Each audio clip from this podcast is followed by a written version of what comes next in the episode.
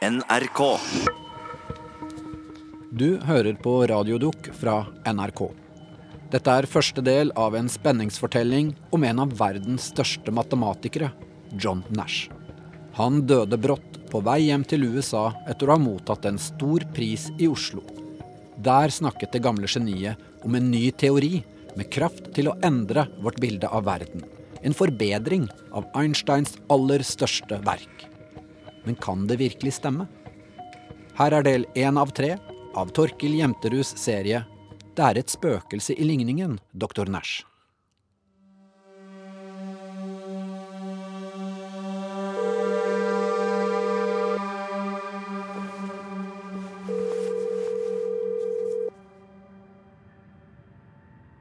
Hello? Hello, my name is Torkil Jemterud, and I'm calling from Norwegian Radio. Um, and I, Would like to speak to my husband, would you? yes, I would very much like to speak to him. Yes, uh, hold on a minute. I have to get the phone to him. Thank you very much. Uh, Den første gangen jeg snakka med John Nash, satt han i badekaret. Det var den dagen det var kunngjort at han hadde oppnådd den høyeste anerkjennelsen en matematiker kan få. For det finnes ingen nobelpris i matematikk. Yes, hello. Um, is this Hello? John uh, Nash? Yes, This, yes, hello. This is my name is Torkil Jemterud, and I'm calling from Norwegian Radio. And I would like to say congratulations with Abel Prize. Thank you. Den andre gangen jeg snakka med ham, var noen uker seinere. Jeg hadde reist til den lille universitetsbyen Princeton i New Jersey og tok heisen opp til kontoret hans i 11. etasje. He doesn't teach either. No. Yeah, he just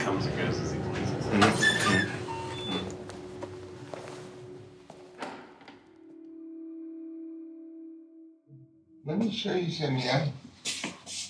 Solberg. Oh yeah, Det første han gjorde da jeg kom inn på kontoret hans, det var å vise meg et bilde han hadde stående på toppen av et arkivskap. Det var av den norske matematikeren Atle Selberg. It's also him. He was a friend of you? Very distinctive.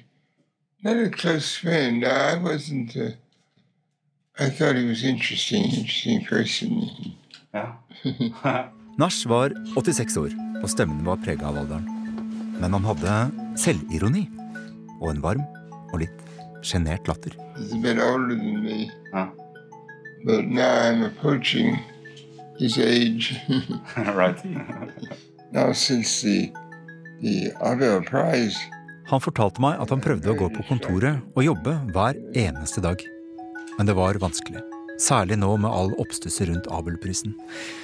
Og kroppen, den ville ikke samarbeide lenger. I've had some illnesses in recent times, and the the the, uh, the trouble with the bladder and related organs. The health is not the best anymore. You look pretty healthy. Oh, yeah. I'm quite healthy. Thank you. Og så fortalte han meg hva det var han så gjerne ville fullføre. I, I found a specific type of equation En ligning that could be used instead of the Einstein equation. som kunne erstatte Einsteins generelle relativitetsteori. Oh, really? Yes.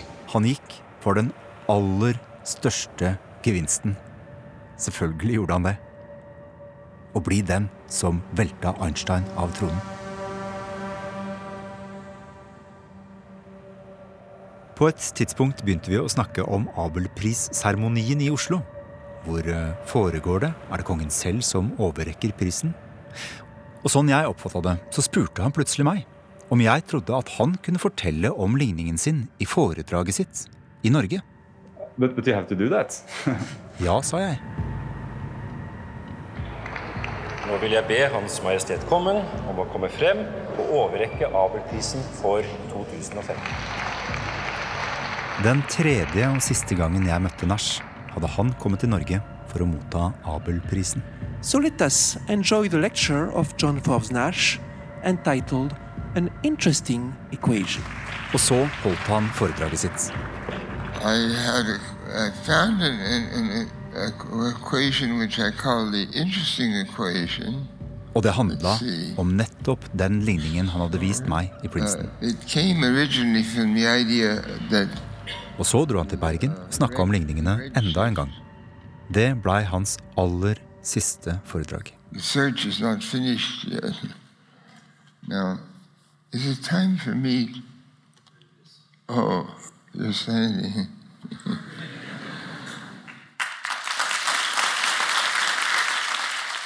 For bare to dager seinere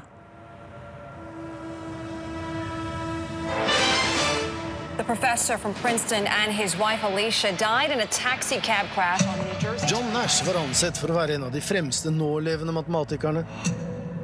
Og det gikk innpå meg. Det var selvfølgelig Nash selv, mennesket. Men det var også ideene hans. Jeg var redd for at de bare skulle bli borte, bli glemt. Så dermed fikk jeg gjort et litteratursøk. Hadde noen publisert noen ting om ligningene hans? Studert dem?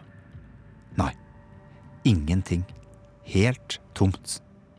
Så jeg bestemte meg for å gjøre noe.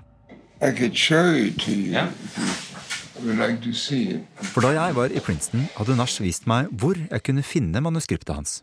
You can get in and look at all that's in the webpage. Så jeg lasta det ned og sendte det ut til flere eksperter på feltet. Forhåpentligvis kunne de fortelle meg om ideene hans faktisk var interessante. Eller ikke.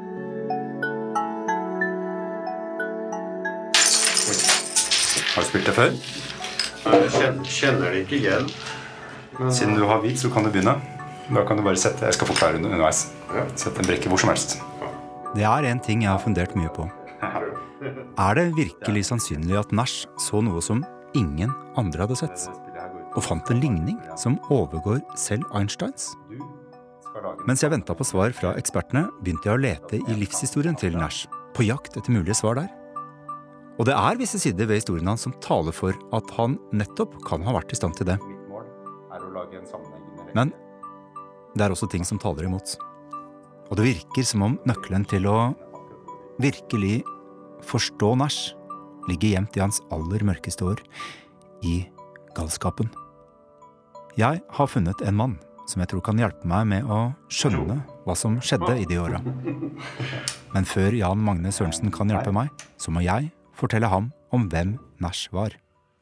Det var sånn at eh, en vårdag i 1949 så kom da John von Neumann inn på fellesrommet til studentene på, på Princeton. Har du hørt om John von Neumann? Nei uh, Vi starter med det Nash er aller mest berømt for, nemlig spillteori. Og den Nash som blei portrettert i filmen A Beautiful Mind fra 2001. Hey, Nash, I thought you dropped out. You ever gonna go to class? Or... Classes will dull your mind, destroy the potential for authentic creativity. I filmen spiller Russell Crowe det eksentriske geniet, og vi møter ham i starten som ung student ved universitetet i Princeton. Now, who among you will be the next Morse? The next Einstein? Og Princeton, det var et veldig spesielt sted. Men hva slags sted? Ja, det var et universitet. Ja, universitet. Universitet i USA, og det var et gammelt universitet. Eh, Og, ikke sant, og det har sånne flotte mursteinsbygg som ligger ute på store, åpne plener. Og det ser litt sånn britisk ut, nesten. Litt sånn Cambridge-Oxford-aktig. Einstein Drive. Uh, number uh. Og mest spesielt av alt er bygget som ligger i utkanten av den lille universitetsbyen. Med en liten innsjø i enden av Einstein Drive nummer én. Princeton Institute for Advanced Study. Number one? Yes, number one. That's the place where uh, you know Einstein used to work and Yeah. yeah, so this Albert Einstein, yeah. Det har blitt beskrevet som et matematisk pantheon hvor vitenskapenes semiguder vandra rundt, hvor lufta var tjukk av matematikk, og formlene rant ned fra veggene. Einstein, Gödel, Oppenheimer, alle var der. Og van Neumann var altså kongen. Han revolusjonerte kvanteteorien. Han fant opp computeren. Og han hadde funnet opp spillteorien, som var det aller, aller heiteste man kunne drive med rett etter krigen. Så det var altså denne mannen da som kom inn på dette her rommet til eh, studentene på Princeton. Så så han at studentene var opptatt med å spille et spill han aldri hadde sett før. Nemlig dette her. Så spurte han da kollegaen sin, som han gikk sammen med, Vet du hva det spillet heter for noe? Hva, hva slags spill er det de spiller? Og så svarte han kollegaen da bare at ja, det heter Nash. og det var jo selvfølgelig fordi det var John Nash som hadde funnet opp dette spillet her. Ok. Ja, det var min tur. Da er det din tur. ja. Og selv om John Nash bare var en fersk student, så visste nok van Neumann veldig godt hvem han var. Et annet vidunderbarn. Anbefalingsbrevet fra colleget lød rett og slett denne mannen er et geni. Og MIT, Princeton og Harvard hadde nærmest vært i budkrig for å få ham. Van Neumann gikk fra studentenes oppholdsrom uten et ord. Du skal til den veien, du. Og jeg skal den veien. Så. Ikke bare hadde Nash funnet opp spillet, men han hadde bevist at det hadde to egenskaper. Én spillet vil alltid ha én vinner og én taper. Det kan ikke bli uavgjort. Og to den første spilleren vil alltid kunne vinne. Problemet er bare å finne ut hvordan. Jeg får spille på intuisjon. Ja. Et par måneder seinere var det John Nash som banka på døra hos van Neumann. Han hadde gått løs på van Neumanns spillteori. Nash hadde ideer til hvordan han kunne ta teorien videre, utvide den til spill med flere spillere der alle holder korta tett til brystet, til poker, til kald krig. Men før Nash hadde kommet halvveis i resonnementet, så hoppa van Neumann rett til konklusjonen og avfeide hele ideen som triviell. Nash måtte gå slukøra ut. For det her kunne jo vært et slags invitasjon til et samarbeid mellom han og van Neumann med å, med å gå videre med ideene. Men, men, men det var altså Nash sjøl som, som i etterkant på en måte unnskyldte van Neumann med å si at det, det var forståelig av, av den etablerte tenkeren å avvise da denne unge rivalen som han sjøl. Nash snakka aldri mer med van Neumann. Men han fullførte ideen som sitt doktorgradsarbeid, og det var for den han 40 år seinere fikk nobelprisen i økonomi. Dr. John Nash, I now ask you to receive your prizes from the hand of His Majesty the King. Ja, hei, det er Torkel her. Det har gått en uke siden jeg sendte ut Nash-manuskriptet, og jeg har fått et svar. Det er professor Øyvind Grønn, og han har undervist generell relativitetsteori ved Universitetet i Oslo i en mannsalder. Og det er jo nettopp den teorien Nash utfordrer, så jeg tenker at dette må være riktig mann. Det her er gode nyheter. For du, du, fikk, du, du fikk eh, de der eh, papirene, de der eh, den manuskript ja, fra John Nash, ja?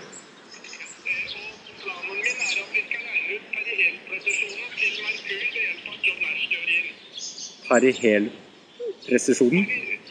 Merkurs perihelpresisjon.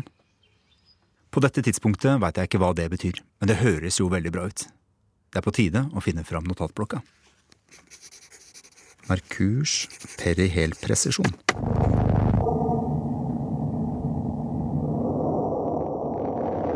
Og dette er for øvrig lyden av Merkur, ifølge NASA.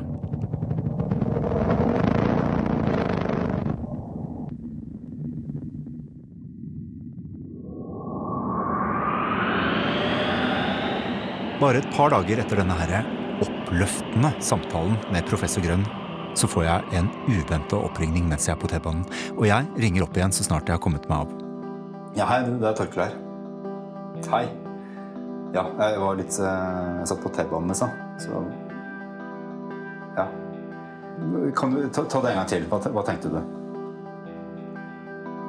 du? Du tenkte rett og slett at vi ikke burde lage saken i det hele tatt? Hun som har ringt, heter Marit Sandstad. Hun er en ung astrofysiker. Hun har tatt relativitetsteorikurset til Øyvind Grønn, og de har også jobba sammen som redaktører for et norsk fysikktidsskrift, så de kjenner hverandre godt. Men denne gangen er hun åpenbart helt uenig med sin gamle lærer. Ja, han, han syntes jo dette var interessante ligninger å se på. Ikke bare er hun uenig med Grønn, hun mener faktisk at jeg bør la hele ja. saken ligge av hensyn til Nash ettermæle. Men eh, jeg tenkte også at det vitner litt om en slags sånn nysgjerrighet også, som var ganske fin. For det, som jeg oppfatta han da jeg var jo, møtte han og sånt, så var han helt åpen på at dette her er jo ikke, dette var jo ikke fullført, og det var, han var jo ikke sikker på at dette var riktig heller. Men han ville gjerne liksom legge det fram så andre kunne tenke videre på det. Skjønte jeg det som, da. Eh, skal du Jeg har booket møterommet, men det er ikke fem to minutter. Men eh, Ja, ok. ja. Ja. ja. Uh... Men vi blir eh, avbrutt, så vi avtaler å møtes litt seinere. På en benk på plenen bak fysikkbygget. Vi var på, på den uh, Abelprisutdelingen, og så nach. Marit Sandstad hadde denne dagen fått utsatt en viktig telefonkonferanse fordi hun så gjerne ville se denne verdensstjerna som var udødeliggjort på film, og som var kjent for sine banebrytende matematiske arbeider. Det var det hun ville høre om. Han hadde jo den første sliden sin oppe veldig lenge. Ja. Og, og så så jeg på den, og så tenkte jeg dette ser jo ut som det som jeg skriver på min pult hver eneste dag. Ja. Men det kan jo ikke være det. Nei. For det er ikke det jeg er kommet for å høre, liksom. Det Marit Sandstad jobber med og har på pulten sin hver dag, det er nettopp lignende universmodeller som de Nash la fram. Han er ikke den eneste som har prøvd seg. Sandstads doktorgradsavhandling handla om alternative gravitasjonsmodeller. Dette her er rett og slett faget hennes. Og alt han sier er på en måte på sett og vis ikke så langt unna ting og formelt riktig sånn sett. Ja. Men samtidig så driver han med Det er på en måte som du skulle satt deg ned og studert generell relativitetsteori veldig nøye og, og lært deg det, liksom. Og så tenker du deg at det ikke bare er du som gjør det, men det er en person med en åpenbar matematisk begavelse og, og teft. Eh, men, men på en måte uten å ha sjekket de siste la oss si 20 års eh, hva andre har gjort på, på området. Men jeg tror Marit Sandstad tar feil. På ett punkt. Og så er jeg litt nervøs for at hun kan ha rett i det andre. Der jeg tror hun tar feil, det er i antagelsen om at dette var noe Nash først hadde begynt å pusle med nylig, på sine eldre dager. Tvert imot så tror jeg Nash kjempa med relativitetsteori hele livet. Han sa det selv. Ago. Og legg merke til hvor tilforlatelig han sier det. For en tid siden hadde jeg kontakt med Einstein selv. Det var vel i 1949, og jeg foreslo at uh, Back in 1949, I think, I had suggested him Det Nash ikke sier, er hvor gammel han var. For dette her, det var året før møtet med van Neumann, og Nash han var 20 år og helt fersk student. Og Einstein New York Times de pleide å trykke de vitenskapelige artiklene hans i sin helhet. Komplett uforståelige for alle leserne. Bare sånn i tilfelle de rommet universets hemmeligheter. Som om de var steintavler fra oven. The key to the atom's secrets was first given to the world in 1905, when the genius Albert Einstein defined the relation between all matter and energy and evolved his revolutionary theory of special relativity. Hvis vårt bilde av universet er som en nydelig utført legomodell, så var det Einstein som bygde den. Og byggetegninga var hans generelle relativitetsteori. Det er teorien for hvordan det hele starta, hvordan alt har utvikla seg, og hvorfor vi er her nå. Det var den teorien den unge studenten John Forbes Nash jr. ville utfordre. Historien har blitt en del av eh, folkloren i Princeton. Vi lar eh, forlagssjefen i Princeton University Press dra historien, som den blir fortalt av andre. One of the first things he did was he got in a cab and he went out to, to the institute to see Einstein to tell Einstein that he'd made a mistake in a uh, in, in, in, in, a theorem. And Einstein uh, set him straight. You know, he said, "No, no, I did not make a mistake. You've got to go learn some more physics." But I, am not quite sure that uh, Nash agrees that he was wrong Uh, to this I day. don't know. I don't know. Nash may, may very well think he was right. Nash was in competition with everybody. He was in competition with with uh, with the world. Yeah. Så hva skjedde egentlig der inne, hos Einstein, ifølge Nash? Jo, han begynte å legge fram ideen sin. I had suggested to him, what, what about if uh,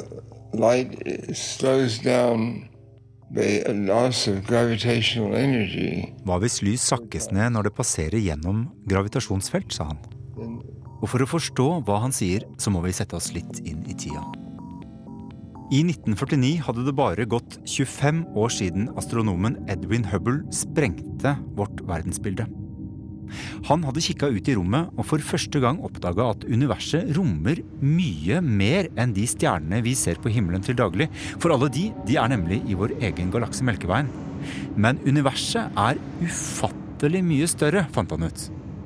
Det er millioner og milliarder av andre galakser der ute, og hver og en av dem har milliarder av egne stjerner.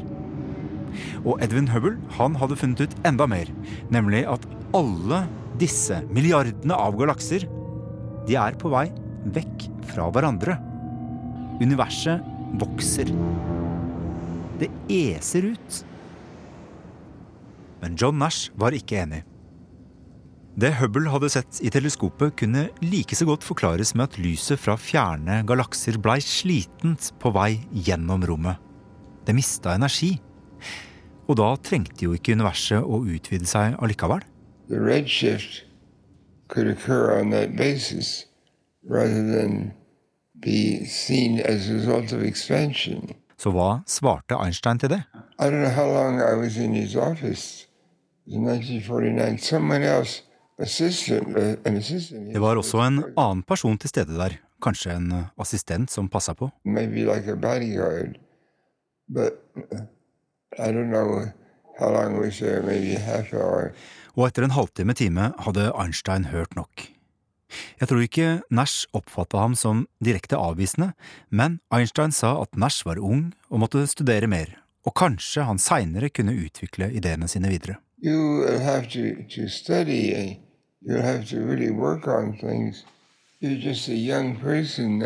I etterkant omtaler Nash ideen han hadde den gangen som litt naiv, men han fortsatte å gruble og utvikle den videre, så relativitetsteori og universmodeller, det var slett ikke noen pensjonisthobby for Nash. Ligningen i seg selv er ikke så ille, men når han begynte å snakke om på en måte, hvordan dette kan forklare mørk materie eller mørk energi og være i Cern, og så den typen teori som han viste opp, har allerede noen bevist at den fungerer ikke. Det er dette poenget til Sandstad som bekymrer meg. For på slutten av 90-tallet skjedde det nemlig en ny revolusjon i kosmologien. Til alles forbløffelse så oppdaga man at universet ikke bare utvider seg, men at det går raskere og raskere. Hele universet akselererer.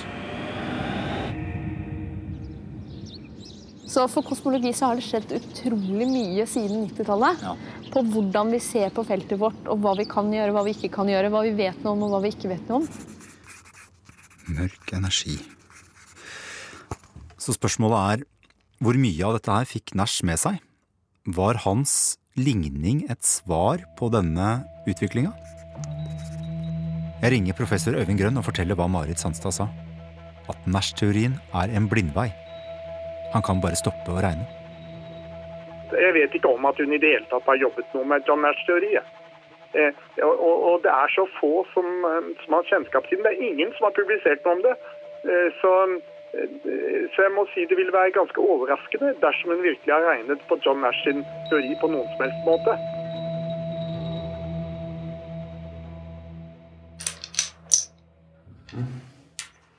Du skal gå den veien, da. Jeg går på tvers fortsatt, ja. Japp. Så legger jeg den der. Og du var første spiller, så du skal kunne vinne. Da må jo legge den der, da. Første gang jeg møtte Nash Det føltes litt da som altså få innvilga audiens hos en sånn super eller sånn Hollywood-stjerne. Så skulle vi ta heisen, heisen oppover da, til kontoret hans, som lå i nesten øverste etasje. Og så stopper heisen da underveis femte etasje eller noe. Aha, there he is. Mm. Hi, Dr. Nash. I'm Morgan. Så kommer da John Nash inn i heisen. This is the uh, reporter from uh, Norway. Mm. Og pressekontaktene blir satt ut, og jeg blir satt ut. Og liksom, jeg hilser så Hei, Torkel. Og... Men han var jo veldig, var, da var han en veldig beskjeden fyr. da. Veldig liksom, gammel, så ut som en snill mann med snille øyne. og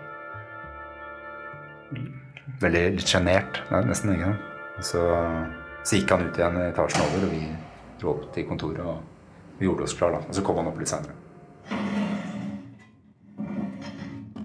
I see that you have a blackboard here. Uh, every mathematician have a blackboard on in their office. This doesn't have fresh writing on it, so It's, it's, it uh, s- says something about Venus, Earth, Mars. Um, what's this about? someone else might have. Oh, here's Mars, yes. That's true. My son might have written this down. Da Nash var yngre, pleide han selv å fylle tavler med kryptiske symboler og utregninger. Nå tror han at det er sønnen, John Charles, som har gjort det. Yes. Og på kritthylla under tavla står det stabla opp bilder av sjakkspillere. This, All right, Magnus Carlsen. Men det er visst sønnen som er den store sjakkspilleren i familien. These are IBM people. Sjøl er Nash mest fascinert av sjakkcomputere. I was more interested in computer than Computer human chess. players. All right, you are. Why? Well, games relating to game theory. Spillteorien. Ideen om det perfekte spillet. Let us face, without panic, the reality of our time. The fact that atom bombs may someday be dropped on our cities. Etter krigen var det det amerikanske flyvåpenet som kontrollerte atombomben. Understanding the weapon that threatens us. Under krigen hadde de hatt tilgang til de framste fysikerne gjennom Manhattan-prosjektet for å utvikle bomben. Oppenheimer, van Neumann, Bohr. Men hva nå, når krigen var slutt? This is a standard aircraft control and warning station of Continental Air Defense, United States Air Force. Løsninga blei en sivil tenketank, finansiert av flyvåpenet. Rand Corporation. Early in 1951, the RAND Corporation, established to provide the Air Force with independent, objective analyses of the broad problems of air warfare, Til et anonymt høybygg i den lille søvnige strandbyen Santa Monica i California blei de skarpeste hjernene i landet rekruttert. De fleste på gjestekontrakter noen måneder om året for å tenke strategi, kryptografi, rakettdrivstoff, hydrogenbomber og kald krig, spillteori. Did you receive any more flight plans? None whatsoever. Sir, track 37 unknown. Det var i disse omgivelsene Nash tilbrakte somrene på starten av 50-tallet. Og, og de liksom skulle forske helt på sidelinja. De trengte ikke å publisere. De hadde bare lagde masse notater, interne notater og holdt på med spillteori og alt mulig rart. Scenariotenkning. Jeg tror nok det at i en sånn, en sånn en organisasjon så kan man lett bli paranoid, tror jeg. For det er en del ting som man ikke skal vite. Og driver og jobber litt der på og får ikke se hele sannheten og hele konsekvensen av jobben man gjør, og så begynner man å mistenke ting. Det er jo ikke rart man blir paranoid i et sånt system. Bygget var aldri offisielt åpent, men det stengte heller aldri. Natta gjennom lyste det i vinduene. Nash kunne komme og gå som han ville. Han hadde et lite kontor i matematikkavdelingen i første etasje, like under elektronikkverkstedet der van Neumann jobba på sin nye datamaskin, Joniac. Men han fikk, vet du hvorfor han fikk sparken? Nash, altså. Hvorfor Nash fikk sparken. Det her var nede i Miami. Han ble tatt på en, på en sånn homsestrand eh, idet han eh, innla, prøvde å innlede et slags forhold eller noe, noe med en eh, undercover-kopp. kopp. Så han blei på en måte avslørt av hemmelige agenter, da. Så, som, som, uh, som tok han. The CBS News survey shows that two out of three Americans look upon homosexuals with disgust, discomfort, or fear. One out of ten says hatred. Alle håpa Nash skulle produsere nye, briljante ideer som kunne gi et strategisk overtak i den kalde krigen. Men Nash produserte aldri flere resultater i spillteori. Interessen hans hadde vandra til helt andre steder. 2015, juni. Det har gått én måned siden Nash døde. Øyvind, hei. Ja, hei, det er Torkil her. Torkil Jemterud. Ja, hei. God dag. Åssen går det? God dag, god.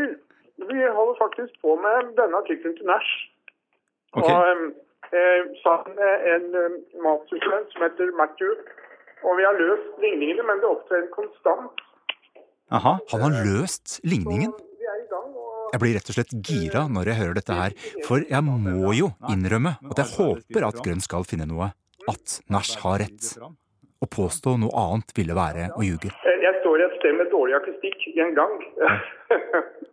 Og som med knekkerød i munnen. Ok, men du har en, satt en student på saken, ja? um, ja. Det vil si jeg har regna en god del sjøl også. Mm. Eh, Vi har delt på det. Og vi har, vi har greid å løse ligningene. Men, eh, men eh, fordi det opptrer en integrasjonskonstant, så, så har vi ikke eh, greid å predikere en verdi av Merkurs perihelpresisjon ennå. Merkurs perihelpresisjon.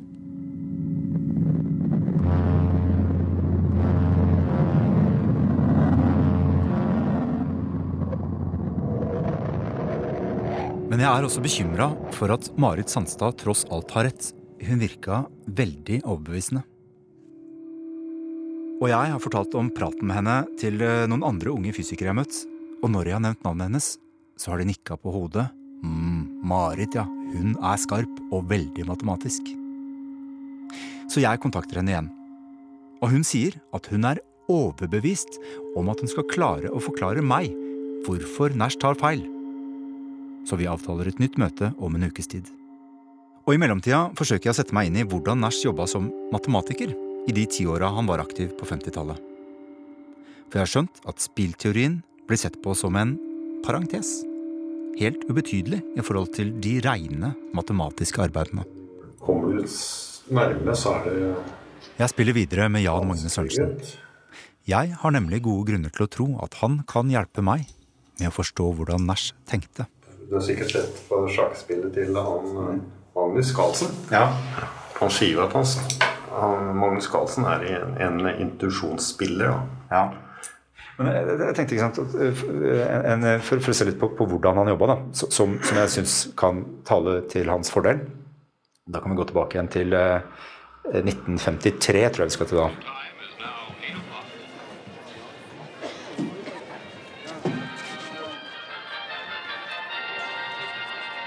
I 1953 finner vi Nash i fellesrommet på MIT, midt i en hissig diskusjon med flere andre matematikere. En av dem bryter ut.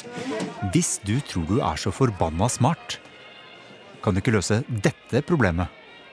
Han snakker om et ekstremt vanskelig problem, det såkalte embedding-problemet.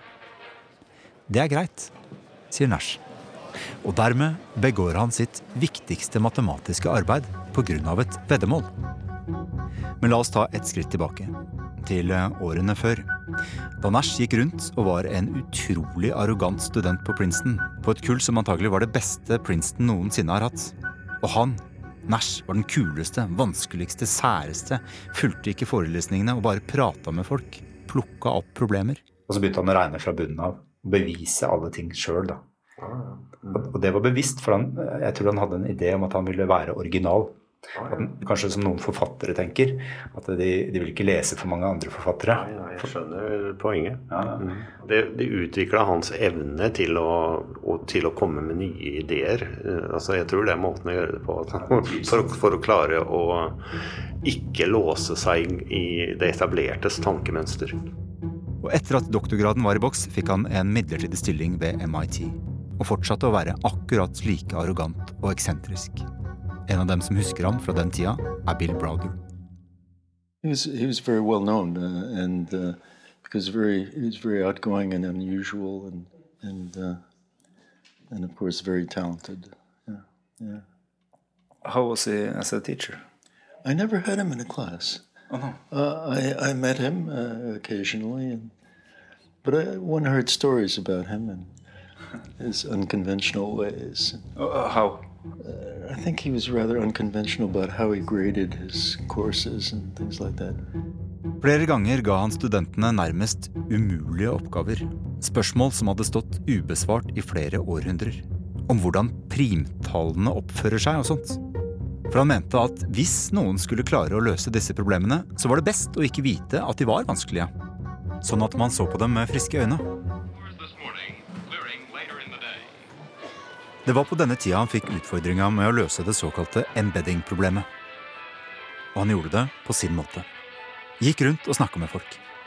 I begynnelsen var det bare tull, det han sa, men etter hvert så blei det litt mindre tull, og han fikk mer og mer tak på problemet, og så begynte han å gå løs på de virkelig store spørsmålene, det ene vanskeligere enn det andre, og plutselig så hadde han løst hele problemet. Ingen hadde trodd det var mulig før han starta, og løsninga hans var så dypt original og annerledes at få skjønte noe av det med en gang. Nå er jeg utafor Institutt for teoretisk astrofysikk, eh, og det er her eh, Marit Sandstad holder til. Nå skal jeg inn og snakke med henne. Hun sa det at eh, nå er det sommerstengt, så det er låst. Så vi skulle kaste stein på vinduet. Det er litt fint.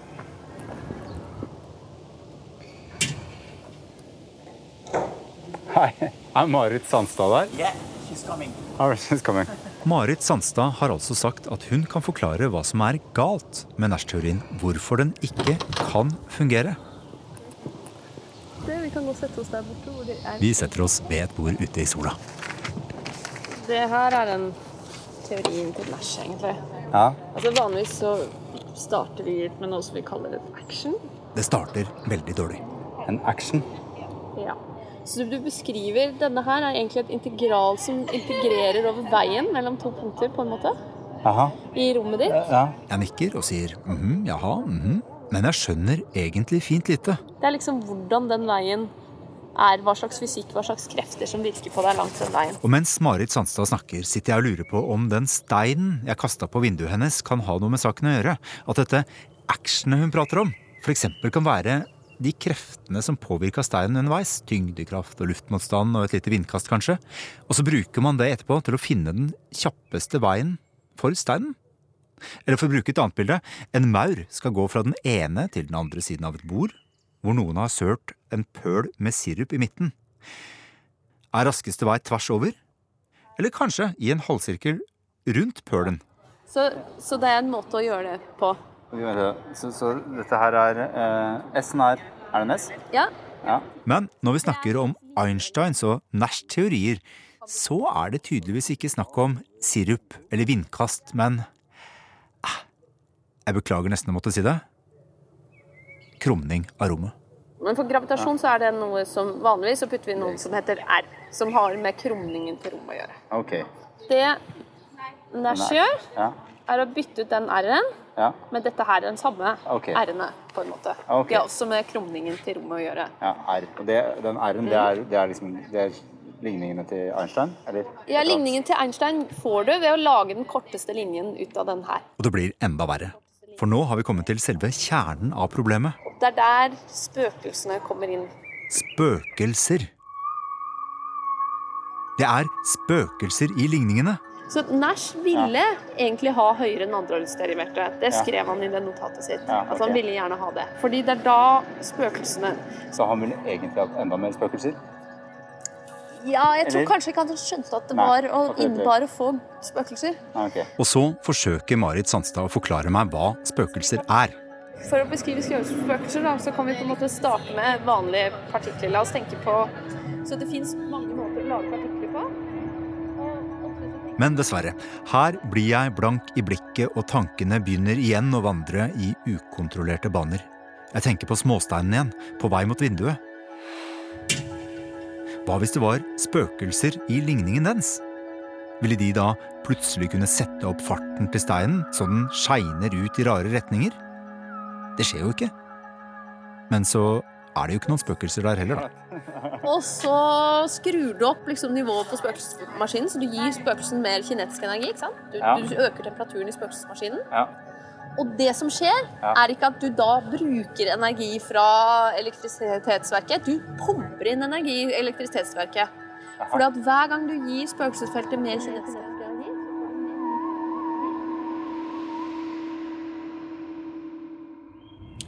Hmm. Vet du om noen bra populærvitenskapelig litteratur på dette? det er Mye av det er jo veldig nytt, men det er ikke så veldig mye som kan fortelle deg på en populærvitenskapelig måte hvorfor det er.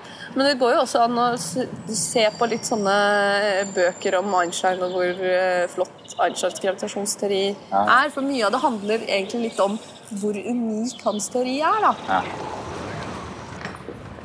Hei. Jeg setter noen bøker om relativitetsteori. Etterpå går jeg rett bort til Akademika, universitetsbokhandelen, og kjøper meg to lærebøker. Én i spesiell relativitetsteori. En om spesiell relativitetsteori, en om generell. Men det er noe rart her.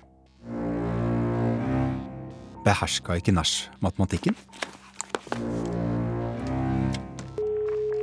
Jeg ringer en eh, matematiker.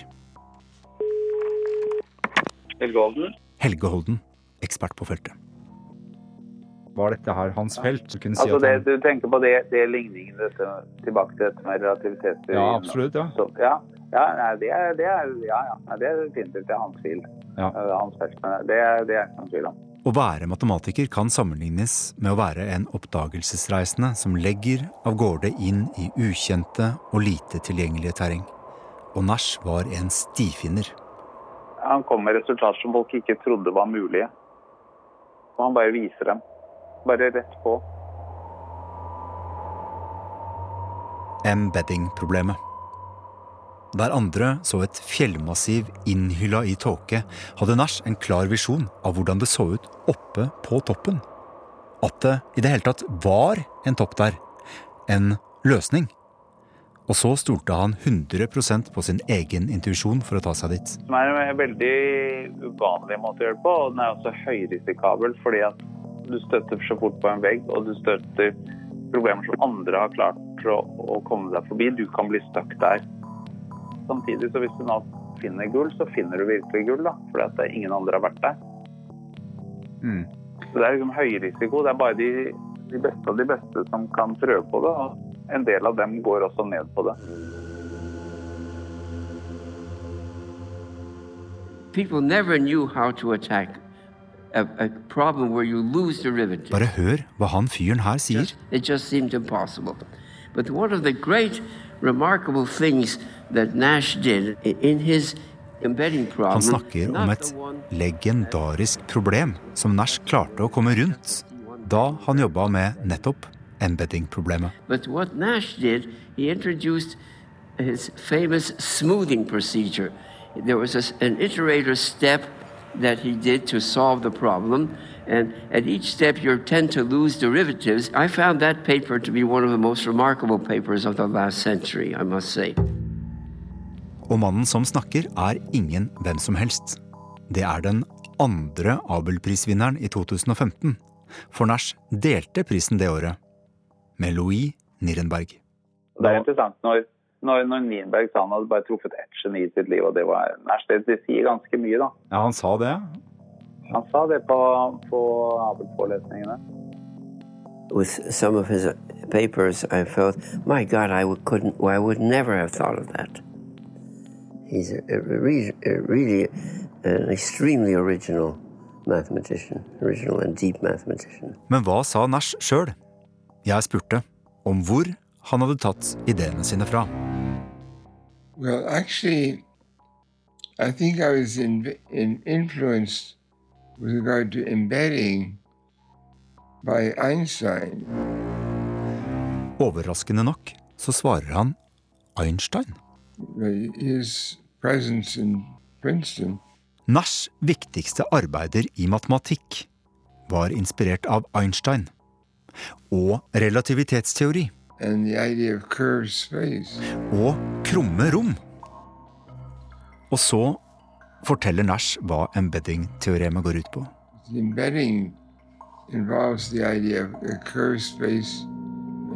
Og samtalen den forsvinner ut i det ytre rom et sted.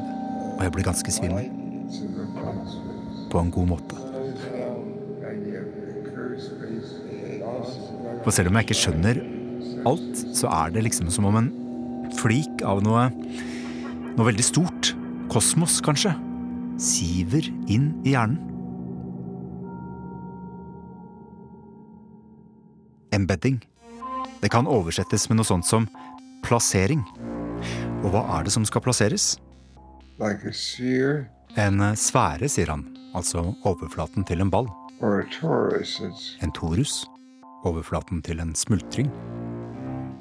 På engelsk kalles sånne flater for manifolds. på norsk mangfoldigheter. Sier du det?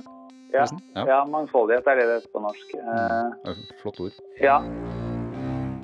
Sånn jeg tenker på flater, det er et eller annet eh, papirark i rommet her som er krøllet og bøyd litt, eller en gummi, gummiflate som du bøyer og strekker og, og sånt. Det er mangfoldighet. Det var sånn det hele startet. va?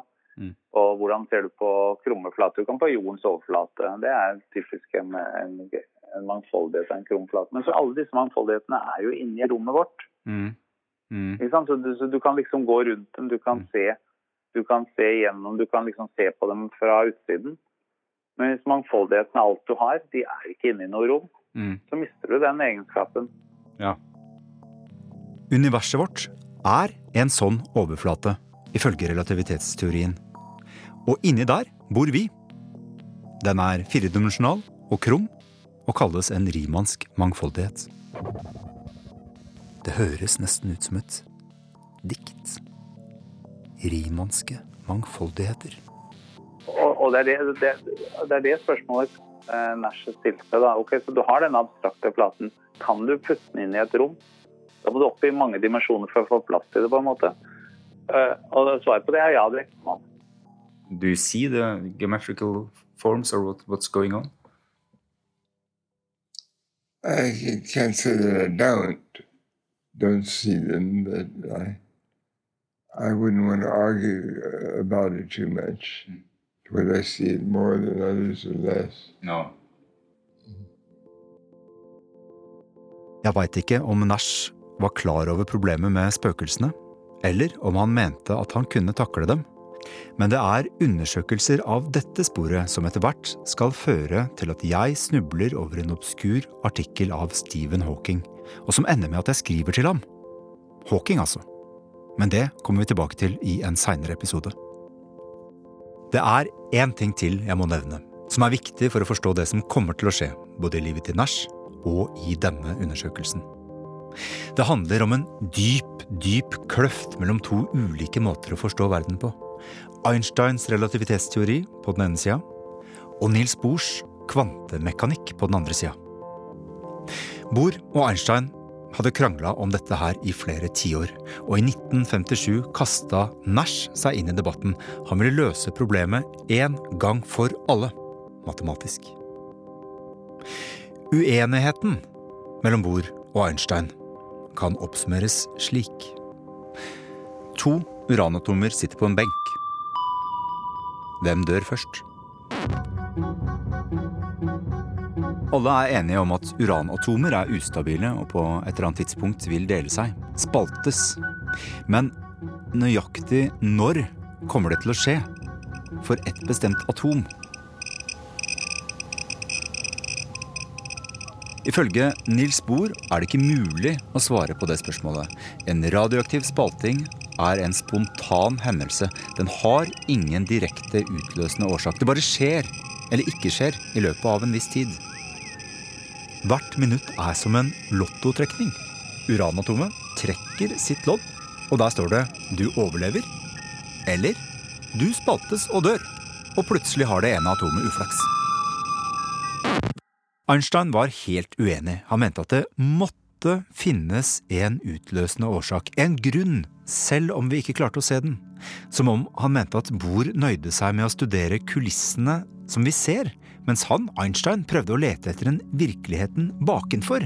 En slags ujamnhet i veggen bak sceneteppet, som lager en liten bulk, kanskje, og dytter det ene atomet over kanten. Einstein kalte det skjulte variabler, for som han sa, Gud spiller ikke terninger. Ikke fortell Gud hva han kan og ikke kan gjøre, svarte Nils Bohr. Nash tok Einsteins parti. Og det er to grunner til at denne episoden er viktig. Det ene er at hvem som har rett, Einstein eller Bohr, det kan vise seg å være helt avgjørende for Øyvind Grønns undersøkelse av Nash-ligningen. Den andre grunnen er at Nash sjøl mente at dette var den utløsende faktoren for det som skulle skje etterpå. Han omtalte forsøket som muligens overambisiøst og psykisk destabiliserende.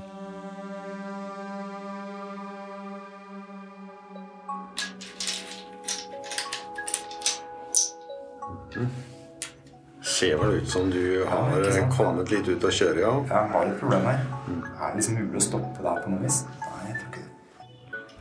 Så da er jeg i hvert fall Der, ja. inne der, og Så må du stoppe på andre sida. Da spørs det vel om du kan Spørs det der, så legger jeg der. Så Legger den nok der. gjør det. Gratulerer. takk, takk. Men finnes det alltid én utløsende årsak?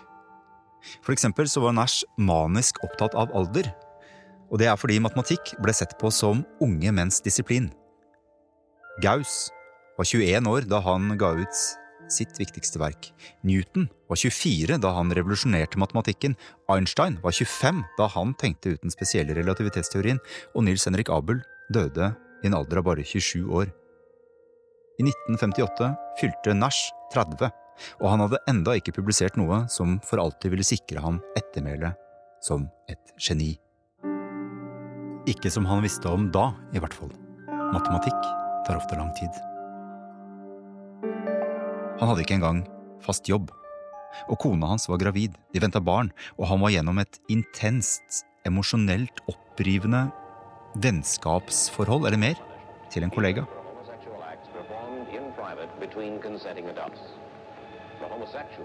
Tidlig på våren 1959 får Nash et jobbtilbud fra universitetet i Chicago.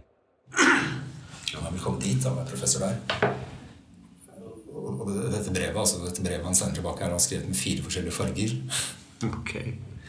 Og så står det at det beklager, men han er blitt utnevnt til eh, keiser av Antarktis. Akkurat. Så han kan ikke. men, folk Han er en litt morsom fyr også, skjønner du. Så, så, så, så folk tror han spøker. At det er en slags form for litt sånn vridd humor. Men de bisarre brevene dukker opp flere steder. En dag oppdager sjefen for fakultetet hans at Nash har sendt brev til alle ambassadene i Washington i fire farger. Han skriver at han er i ferd med å opprette en verdensregjering.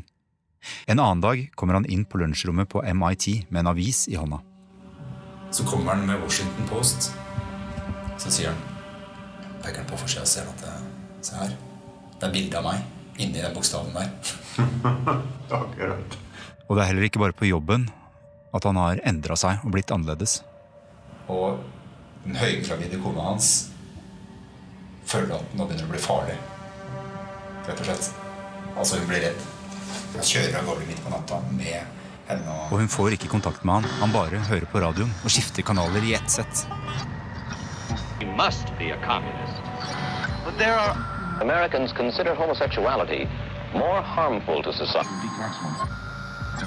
Jeg vet ikke om han oppfører seg voldelig eller ikke, men det er i hvert fall sånn at hun føler seg Han begynner vel å bli paranoid, antageligvis. Han. At han begynner å bli redd for å ville beskytte dem og ta dem ut av huset. Og Ja. det, det du beskriver, eh, høres veldig ut som paranoia. For det er akkurat det, det, det som skjer, at han, han får helt eh, paranoia. Han, han tror han ser tror at det er masse agenter som er ute etter han, og han tror at han har en rolle som en slags At han får en slags sånn kosmisk beskjed. beskjed om å være, skape fred, og at han har noe oppdrag. Men at det er masse agenter som er ute etter han og stopper han i hans oppdrag. da. Og det ser han i tegn på i aviser, og han ser det på hva slags slips folk har på seg, og alt mulig rart. Det, det, han ser et mønster i alt, tydeligvis, Ja. som bare han forstår. Eller han tror han ser et mønster i alt, kanskje. Det er en hårfin grense mellom genialitet og galskap, har det blitt sagt. Jeg kjenner igjen eh, dette her med å tro at man har et stort oppdrag, og at man eh, skal bli en verdensleder på et eller annet eh, nivå. Og at man har en slags kosmisk kontakt hvor man samarbeider med høyere intelligenser enn de som vanligvis vi møter her på jorda. Den grensa skal vi undersøke i neste episode. Øyvind her. Ja, hei du, det er Tørkel. Du, jeg så du hadde ringt. Eh, ja, jeg tenkte at du kanskje var eh, interessert i å høre at eh, Matthew og jeg vi, vi har hatt et eh, lite gjennombrudd når det gjelder arbeidet med Nash-artikkelen. Eh, og det, det kom ut noe ganske, noe ganske fint altså fra de løsningene. And then, and then he disappeared into the into the uh, schizophrenia.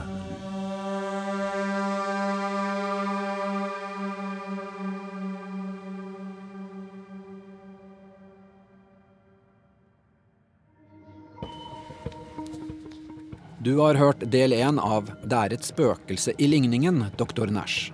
Laget av Torkil Jemterud. Lyddesignen var ved Nils Jakob Langvik, og jeg heter Kjetil Saugestad og var konsulent. Del to er alt tilgjengelig som podkast, mens vi jobber med å få med de aller siste begivenhetene i den siste delen. Og den blir ferdig neste uke en gang, satser vi på. Er det noe, så send oss gjerne en e-post på radiodok at nrk.no. NRK.